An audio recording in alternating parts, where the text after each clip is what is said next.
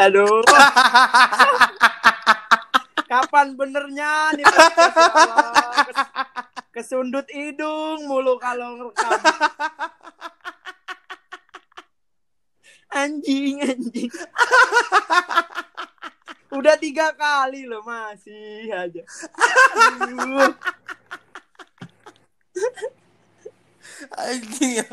Kepaduk hidung mulu. Ini gimana sih caranya? Gue takutnya kalau dikunci gitu jadi terus rekamannya mati juga. Gue bingung. Di sini gue deket kan, mulut gue deket sama mikrofon handphone kan. Gue nggak pakai head, nggak pakai headset gitu-gitu. Iya. Terus giliran gue gini-gini kepaduk pencet finish recording lagi. Ntar disambung aja bisa kayaknya dah. Enggak, enggak mau ah, ulang ah. Di anjing. Oke guys, balik lagi di Side by Side Podcast.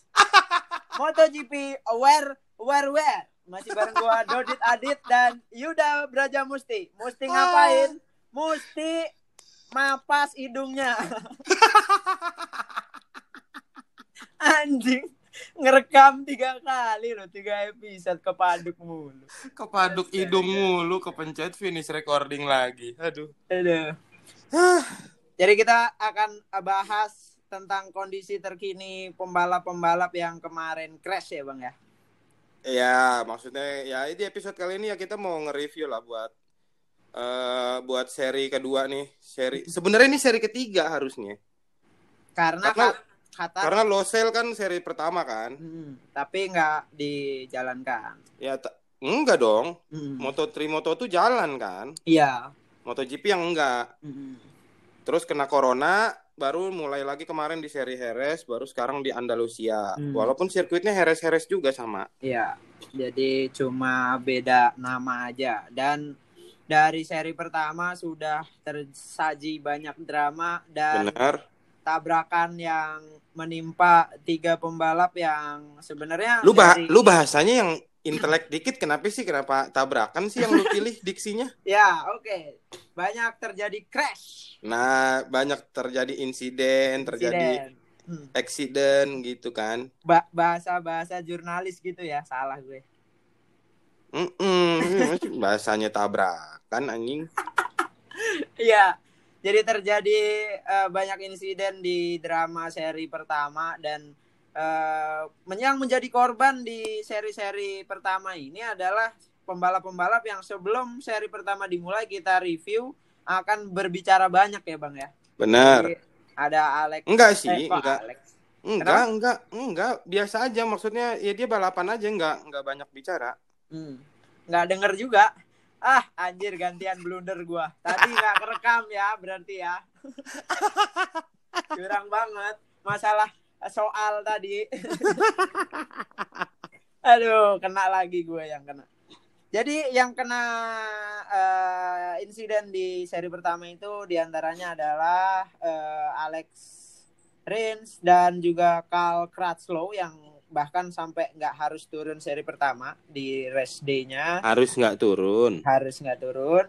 Terus ada juga Mark Marquez yang eh, mengalami patah di bahu, bahu eh, apa ya itu hitungannya ya lengan kanan. enggak ya? bahu dong, iya lengan, lengan. Hmm, lengan. Kalau tangan kan siku ke bawah. Eh, Ya, heeh. ya itu pas bagian di bawah eh, tulang yang ada di otot bicep Hmm. itu kan.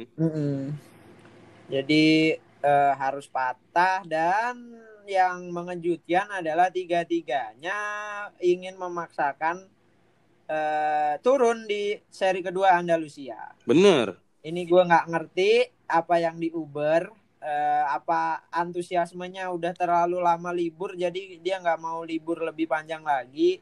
Dan kayaknya memang eh, seri-seri pertama ini penting untuk untuk menentukan jalannya championship. Tapi gini dit, gini gini Hmm. gini. Sebe- ma- eh, maksudnya ini ini ini adalah resiko yang yang yang eh, yang harus dihadapi sama pembalap eh, ketika ketika race race di season ini di musim ini tuh dibikin padat dit karena setelah Hmm. corona kan libur 4 Iya, iya. bulan akhirnya tiap ini tiap hampir tiap minggu tuh ada terus eh, Hmm. balapan. Hmm. Sementara namanya balapan kan resikonya adalah jatuh, resikonya Hmm. crash.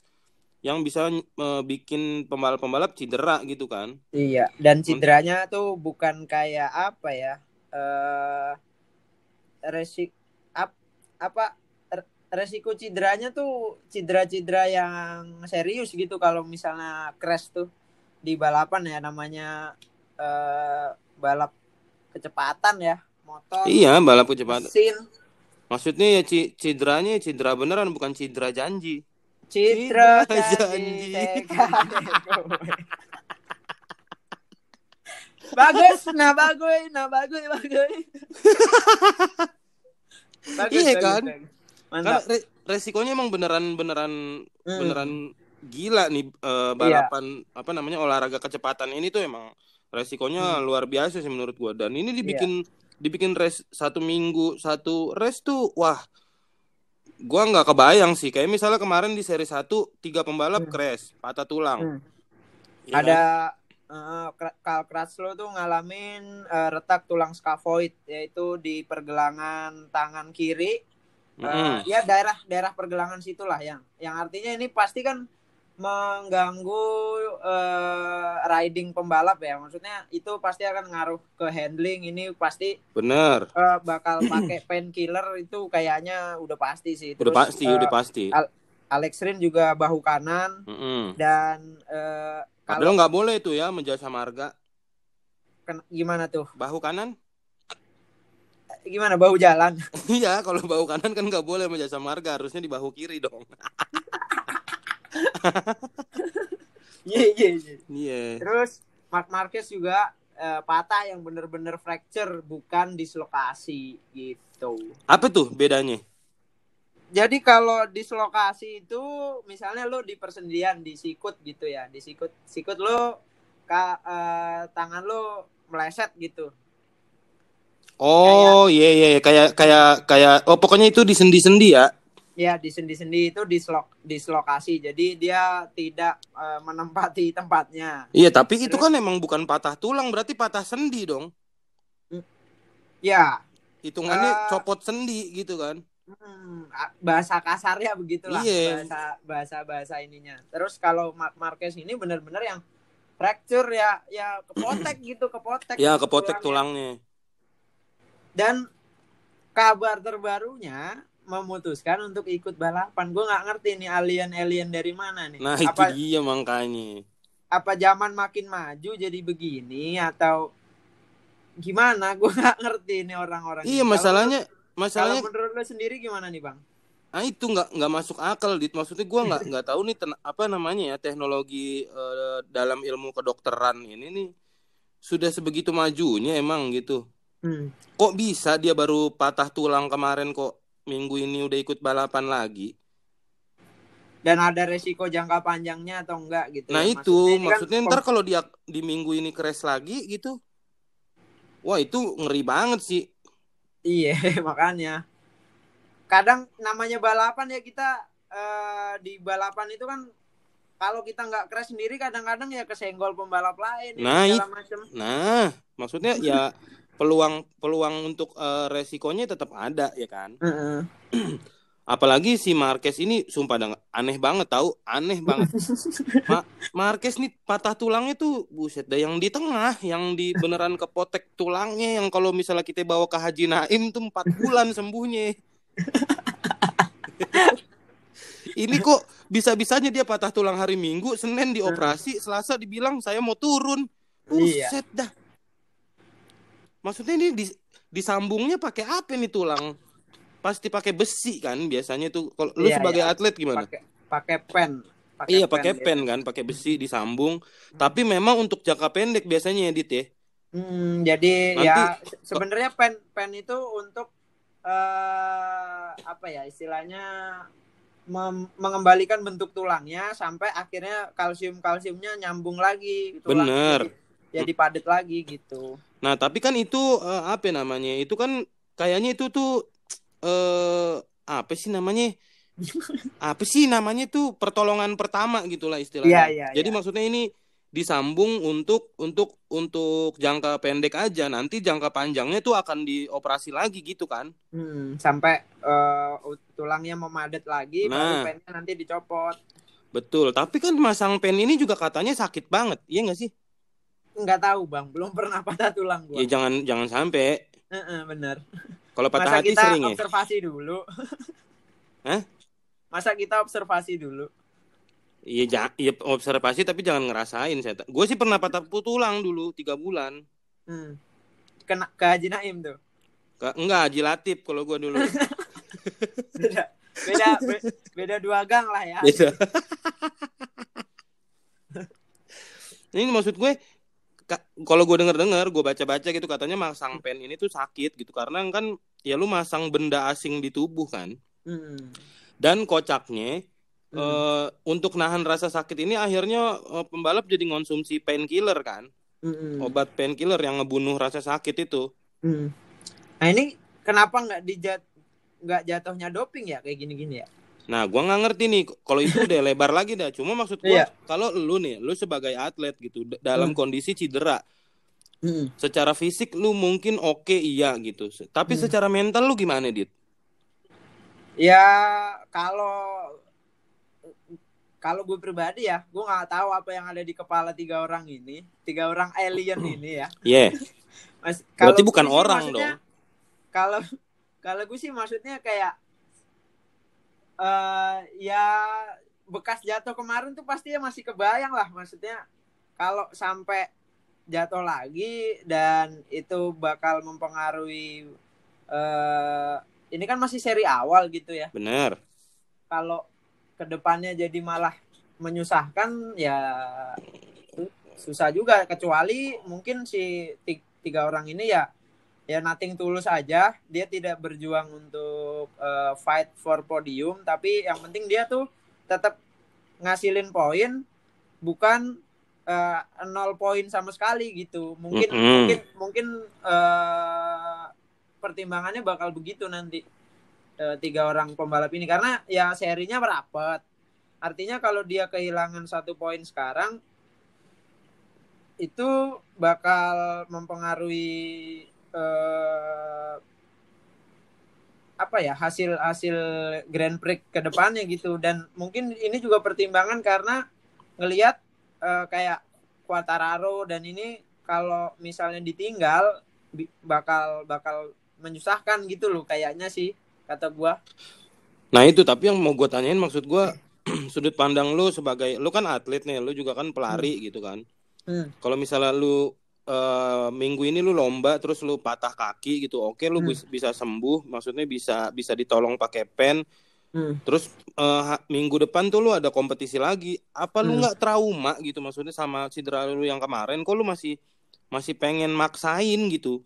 Maksud lu Iya, mak- eh, mak- maksud gua adalah ini ini tiga orang ini masuk akal nggak sih untuk ma- memaksakan diri gitu?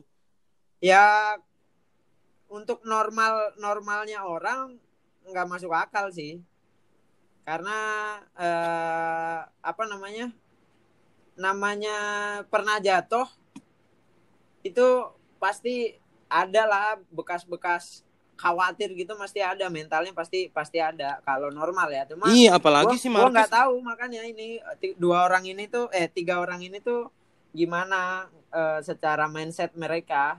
Tapi mungkin mungkin ada gitu mungkin ada orang-orang yang emang pala batu gitu kayak gini tuh ada Iya, lu- lucunya adalah masalahnya si Marquez pertama jatuhnya itu di atas 100 km per jam, Pak. hmm. Gila lu itu kenceng banget. high set lagi Bener. Hmm. Itu wah gila sih. Gua gue sih nggak kebayang maksudnya dia pas ngelewatin tikungan itu kebayang-bayang nggak sama masa lalu kan? Iya, bisa ngeri. jadi bisa jadi Mm-mm, gitu. Terus eh yang kedua adalah kalau misalnya mereka kok ini kan kemarin yang gue baca dari beritanya adalah tim tim mereka juga nggak bisa berbuat apa-apa gitu. Kalau pembalapnya pengen balapan ya mereka cuma bisa eh, mengakomodir gitu. Ya udah sok kalau mau balapan. Tapi kalau emang kondisinya tidak memungkinkan ya udah jangan gitu kan. Hmm, iya. Paling ya itu tadi eh mereka bakal apa ya istilahnya eh, nggak fight kecuali memungkinkan ya misalnya gap gap balapan tuh jauh-jauh gitu kecuali intens balapannya kenceng kayaknya mereka bakal kayak yang penting gua nggak nol poin aja gitu jadi oh menjaga masih masih berharap dapat poin lah walaupun satu dua gitu Iya, jadi Tapi kayaknya susah nggak- juga gitu. Apalagi ini kan en- ini kan soal endurance juga, Dit. Mm-mm.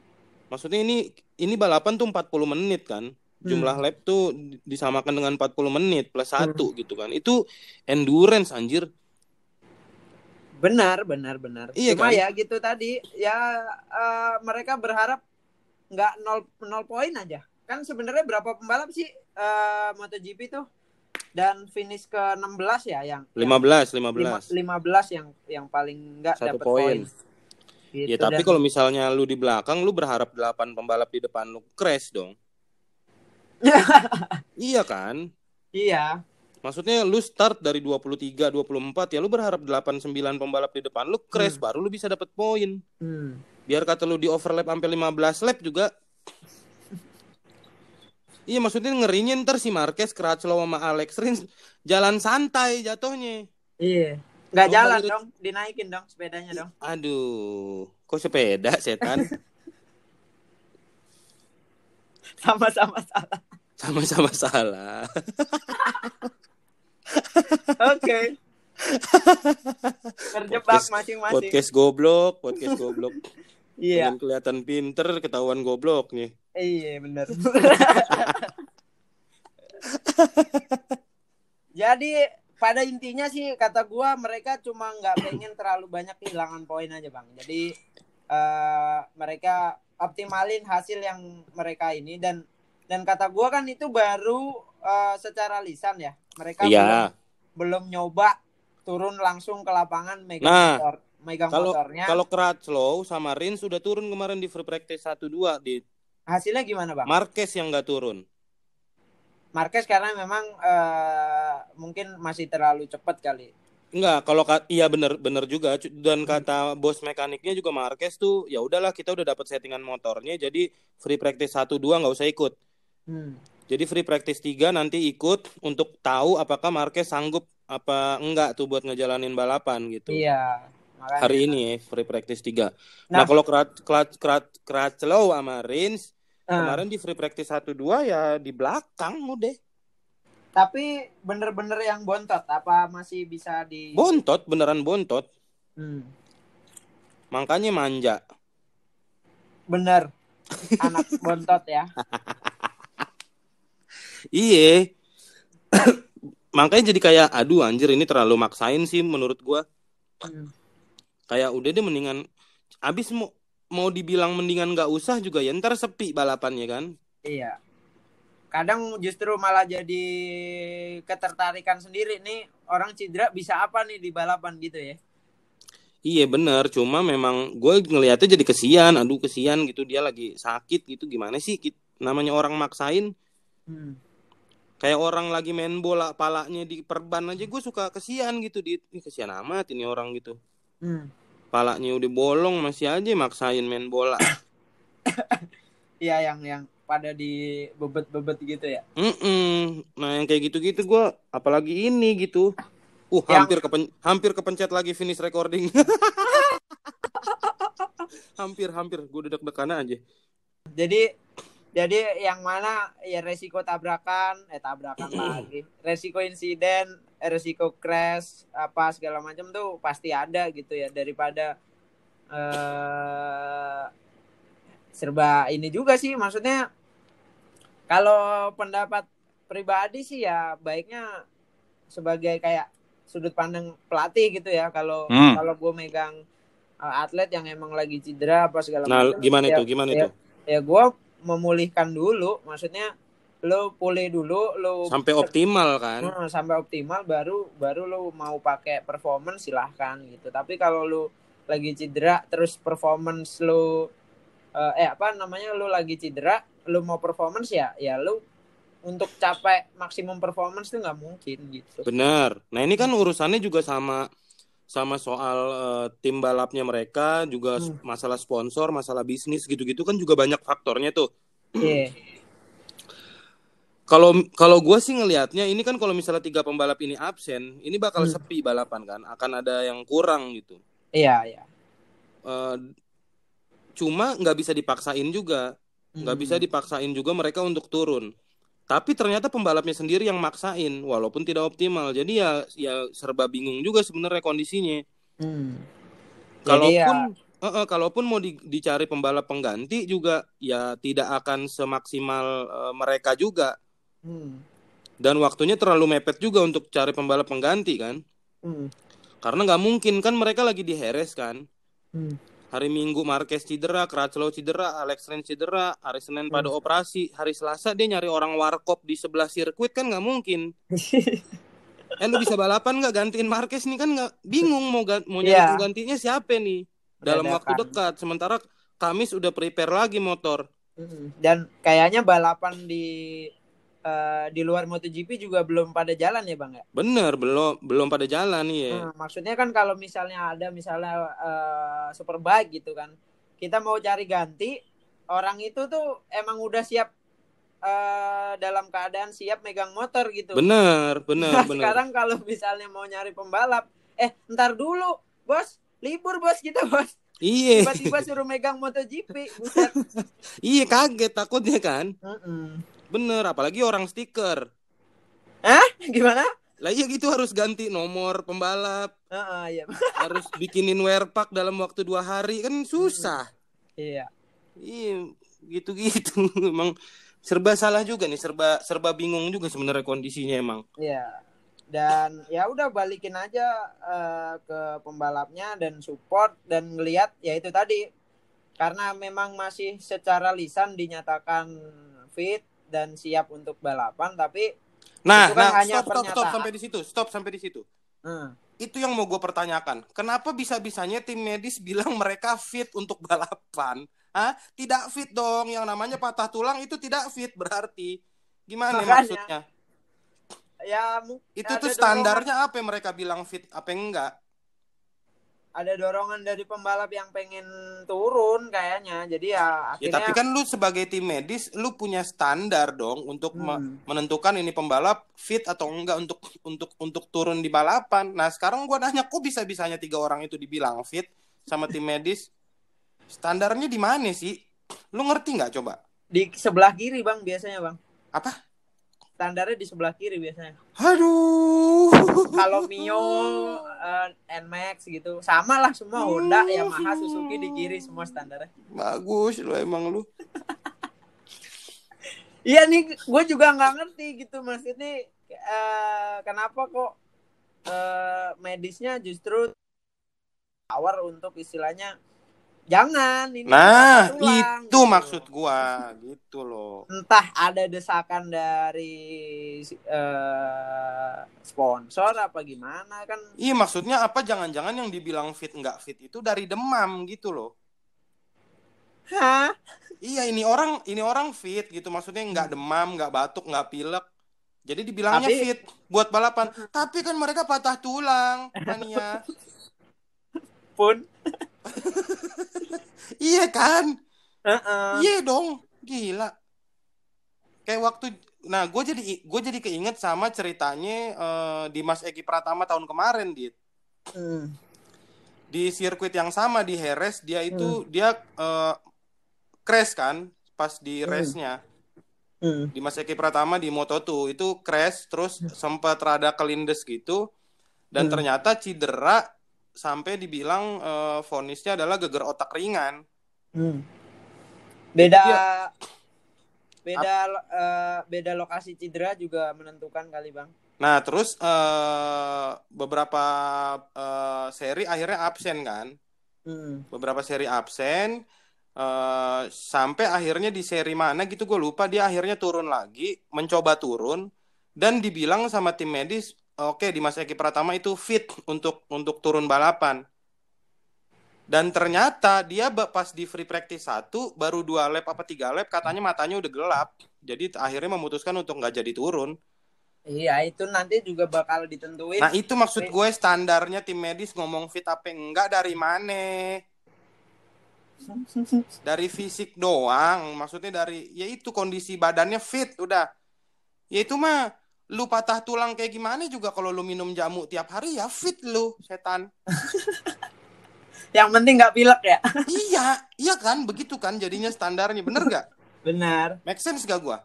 Bisa tapi mungkin ini pertimbangannya bahwa uh, di di bagian-bagian yang cedera para pembalap ini hitungannya masih jauh dari saraf. Kecuali yang yang cedera tuh bagian punggung tulang belakang terus Oh. kepa- kepala leher itu baru riskan bang tapi kalau kalau ini cederanya ini kan istilahnya di bagian lengan yang sebenarnya eh secara aktivitas eh sehari-hari gitu lu tuh masih masih bisa gitu tapi kalau lu mas eh apa namanya udah tulang belakang leher Nggak, nggak. Tapi gue mau nanya nih. dan ini kan kepala gue mau nanya nih salah. kan si Marquez ini kan tulang tulang lengannya kan patah ya kan. Iya. Nah sekarang yang pengen gue tanyakan adalah soal fungsi tulang dan otot. Masalahnya lengan kanan ini kan bakal dipakai buat ngegas ya kan, ngebetot gas. Iya, Nah itu kan yang fungsi untuk yang dia ngebetot gas itu kan otot kan. Mm-mm. Nah tulang ini fungsinya sebagai apa? tulangnya itu ya ya menjaga menjaga bentuk menjaga bentuk ototnya Nah tapi berpotensi untuk untuk kenapa kenapa gak untuk da- dalam apa dia harus bekerja bekerja keras selama 40 menit ini gitu sepanjang balapan. Menurut Ya. lu pasti pasti pasti akan ngebawa jadi eh, tulang tulang tanpa eh otot tanpa tulang kan ya udah jadi daging lemes aja gitu Heeh. tapi kalau ada tulangnya ya ada bentuknya gitu ada ada bentuk untuk eh, bisa ngasih kekuatan ke tubuh kita jadi pasti pasti juga akan kena tapi efeknya tuh lebih kayak ke nyeri ngilu kayak gitu-gitu jadi makanya se- bisa diatasi dengan painkiller cuma pasti ada batasnya pasti ada batasnya Iya bener painkiller juga kan oh painkiller sih bisa 6 jam gitu sih ya Dit ya. Hmm, Bisa sampai 6 jam sih itunya. bisa ya. bisa Iya gak sih? ya Gua tapi nggak pasti pasti Lu pernah nggak akan- konsumsi painkiller gak? belum belum Hah? Belum pernah Tapi lu tahu painkiller kan? Iya iya Guru killer?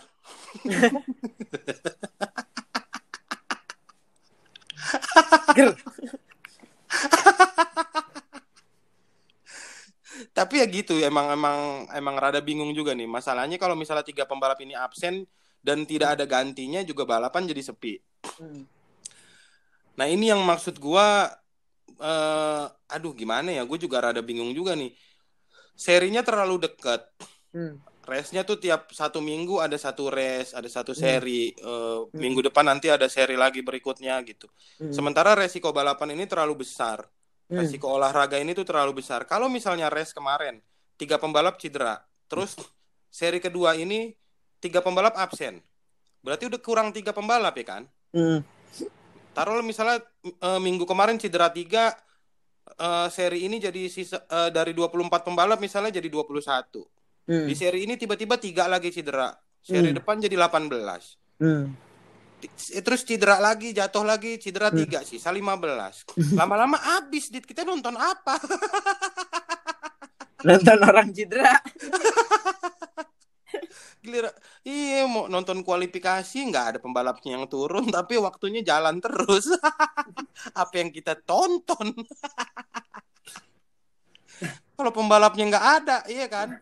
Ntar si- siaran langsung di rumah sakit.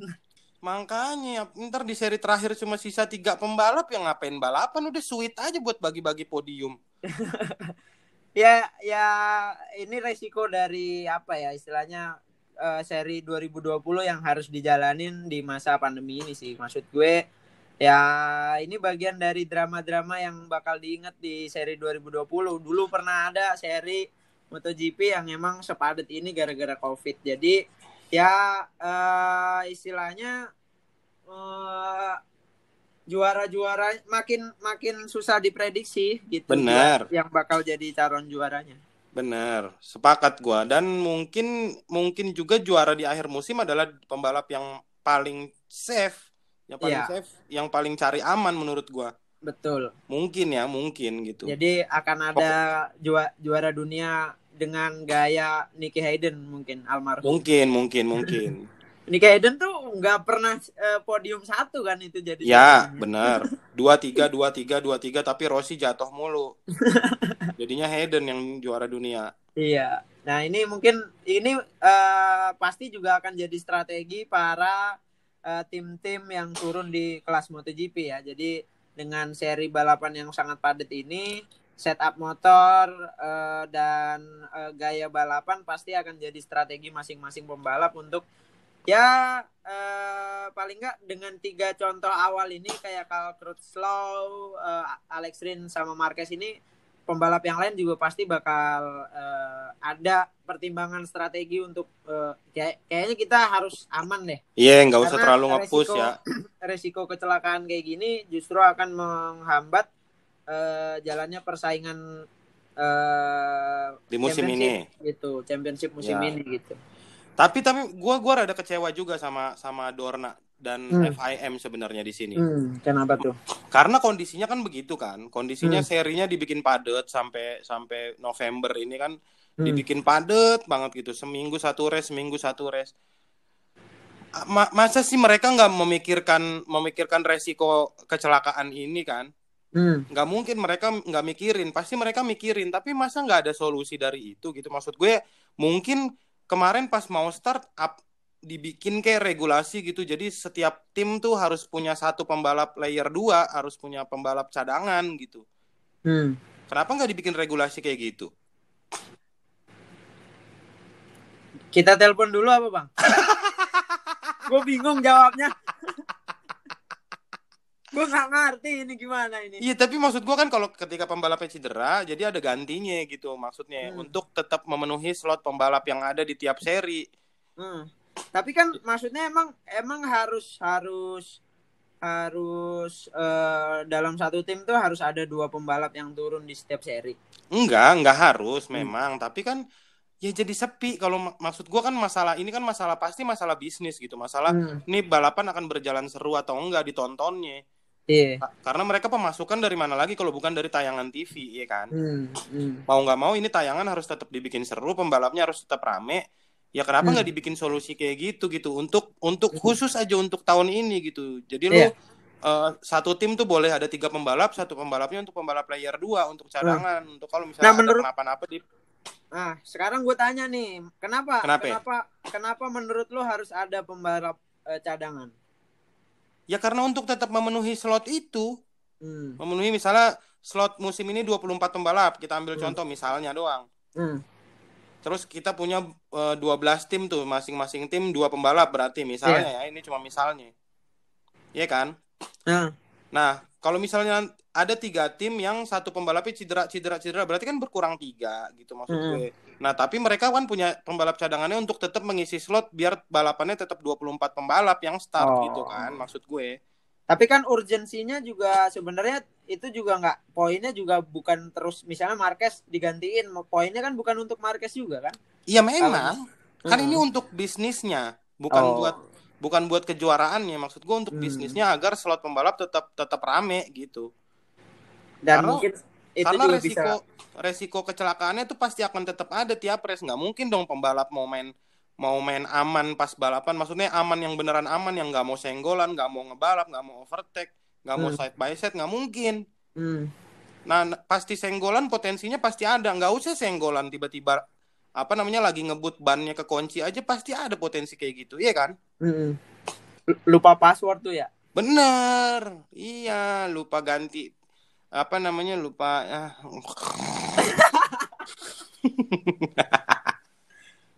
Oke. Ya, pokoknya kita tunggu aja lah ini maksudnya kenapa eh, pasti apa namanya Dorna dan FIM juga pasti akan berevaluasi dengan berjalannya seri-seri awal ini. kita lihat eh, seri kedua ini nanti juga Marquez sama eh Carl Crutchlow sama Alex Rin kan sebenarnya ini dalam taraf eh, bilang eh dibilang mampu untuk turun balapan, tapi kan belum dicoba. Benar. Udah dicoba, Carl Crutchlow sama Rins ini di di di dua free practice. Ah, wah. Dua free practice kemarin. Awal kan kayaknya belum optimal. Betul. Terus Marquez juga belum turun karena Mm. nunggu F- eh, free practice 3. Yeah. Ya, jawaban pastinya setelah ini dan menarik untuk eh, ditunggu gimana eh, apa namanya jalannya race di Andalusia ini sih. Oke, berarti Bang. kita masuk mulai eh, kita ngelihat hasil free practice satu kemarin. Hmm. Itu nah free practice nih satu dua akhirnya lumayan mengejutkan juga nih, Dit. Hmm. Free practice satu itu Vinales Rossi di posisi satu dua. Oh, oh. kayaknya mereka eh, berbagi informasi deh. Bener gak sih? Berbagi informasi gimana? Ya dari dari balapan seri pertama kemarin gitu. Eh, yang paling bisa nerapin evaluasi setelah race kemarin. Kalau Rossi kan kemarin eh, permasalahan mesin Benar, dan eh, salah pilih ban. betul. Dan kayaknya dari dari hasil itu evaluasi paling optimal dijalankan sama tim Yamaha di free practice 1. Heeh. Bener gak sih? Gitu nggak? Tapi di free practice 2 catatan waktunya pada kendor, Dit. Eh, Vinales sama Rossi. Iya. Jadi Justru tidak ada kemajuan malah malah kendor ham- eh, hampir setengah detik sih. Mm-mm, jadi dia di 138 ya. Benar. Sebelumnya dia 3 137. 137-an dan merosot ke 5 Delapan. 5 sama 8. Betul. Nakagami malah eh, merangsek ke 1 sama Zarko. Espargaro nih maksudnya dia bisa dibilang konsisten gak sih Mas? Konsisten, konsisten, Dia, konsisten. dia dia maksudnya di di di di antara lima besar terus nih. Iya, betul. Cuma ya gitu, maksudnya kalau dilihat dari race 1 si Paul Espargaro motornya juga nggak bisa fight juga buat buat Ah. tarung sampai sampai 20 sekian lap gitu. Hmm. Tapi ini bisa jadi juga karena ini Bang eh, Yamaha istilahnya settingan free practice satu udah nih. Benar, kunci abis itu free prac- free practice 2 coba settingan lain gitu kan. Ah, gitu simpen dulu nih. Ntar kalau misalnya free, practice 2 dikasih beberapa sentuhan ternyata nggak ini mungkin eh, free practice 3 mulai eh, di menentukan mana yang mau dipakai gitu. Jadi Benar, benar, nyari-nyari settingan paling mantep sih. Jadi menurut lu free practice 1 2 ini udah menggambarkan belum hasil hasil buat race di Hmm. seri kali ini? Ya kayaknya sih Yamaha bakal tetap eh, Tetap laku. laku lah, maksudnya dealernya ada, orang juga leasing banyak. Tetap apa lu ngomong yang cepet kenapa sih? Hmm. Kenapa kesendet-sendet heran gua. Yamaha pasti akan tetap mengisi persaingan podium sih. Entah itu nanti bakal Vinales atau eh, eh kok Vinales. Entah itu nanti Factory Team atau eh, Petronas. Oke, jadi langsung langsung prediksi kira-kira siapa yang bakal mengisi podium Eh, di race kali ini? Vinales Quartararo bakal bersaing untuk podium satu kayaknya. Ya udah sebut siapa tiga podium nih. Hmm, Vinales, Quartararo. Ketiga adalah wah. aduh apa siapa ya? Es- Es- Espargaro kayaknya. Atau malah Rossi mungkin. Gua satu masih Quartararo, Oke, berarti dia akan back to back ya pertama to back. kali. dua Vinales, tiga kalau nggak Rossi Dovizioso. Oke. Udah Mantap. itu dari gua prediksi. Kita lihat tayangannya apa? ya? Eh, kualifikasi lo nggak mau coba buat ini siapa yang bakal dap- dapat pole dah? Enggak, nggak usah udah. Gua Pole yakin position. itu Quartararo lagi yang pole. yakin gua. sepakat sepakat kalau itu. Jadi udah kita tonton aja ntar babak kualifikasi sama besok race-nya kayak apa Mm-mm. bakal berjalan seru atau enggak tanpa istilahnya tanpa kehadiran maksimal dari Crutchlow, Rins sama Marquez. Marquez. Jadi, selamat eh, menikmati balapan di seri Andalusia teman-teman. Terima kasih telah mendengarkan Side by Side podcast MotoGP. Wer. Sekali lagi sampai ketemu di eh, episode selanjutnya. Terima kasih.